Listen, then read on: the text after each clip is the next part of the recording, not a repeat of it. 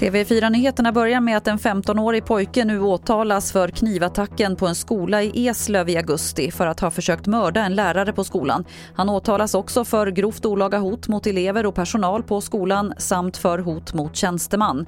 15-åringen säger själv att han var i ett psykotiskt tillstånd när han attackerade en lärare med kniv på skolan. I Norge hålls just nu häktningsförhandling mot 37-årige Espen Andersen Bråten efter pilbågsattacken i Kongsberg då fem personer miste livet. Samtidigt riktas kritik mot polisen. Vår reporter Mikael Nilsson är på plats i Kongsberg.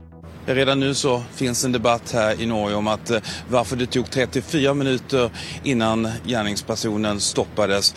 Eh, han kunde då, när polisen var på plats i hans närhet, begå de här brutala morden. I Norge är polisen inte normalt sett beväpnade utan det var först efter ett beslut från polisens högre ledning om att det var tillåtet att använda vapen som gärningspersonen kunde gripas.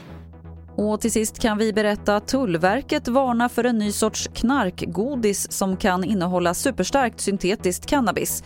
Det ser ut, luktar och smakar som vanligt lösgodis men kan i värsta fall vara dödligt. Nu under hösten har Tullverket tagit flera försändelser med sånt här knarkgodis i beslag och därför går man ut med en varning. Fler nyheter det hittar du på tv4.se. Jag heter Lotta Wall.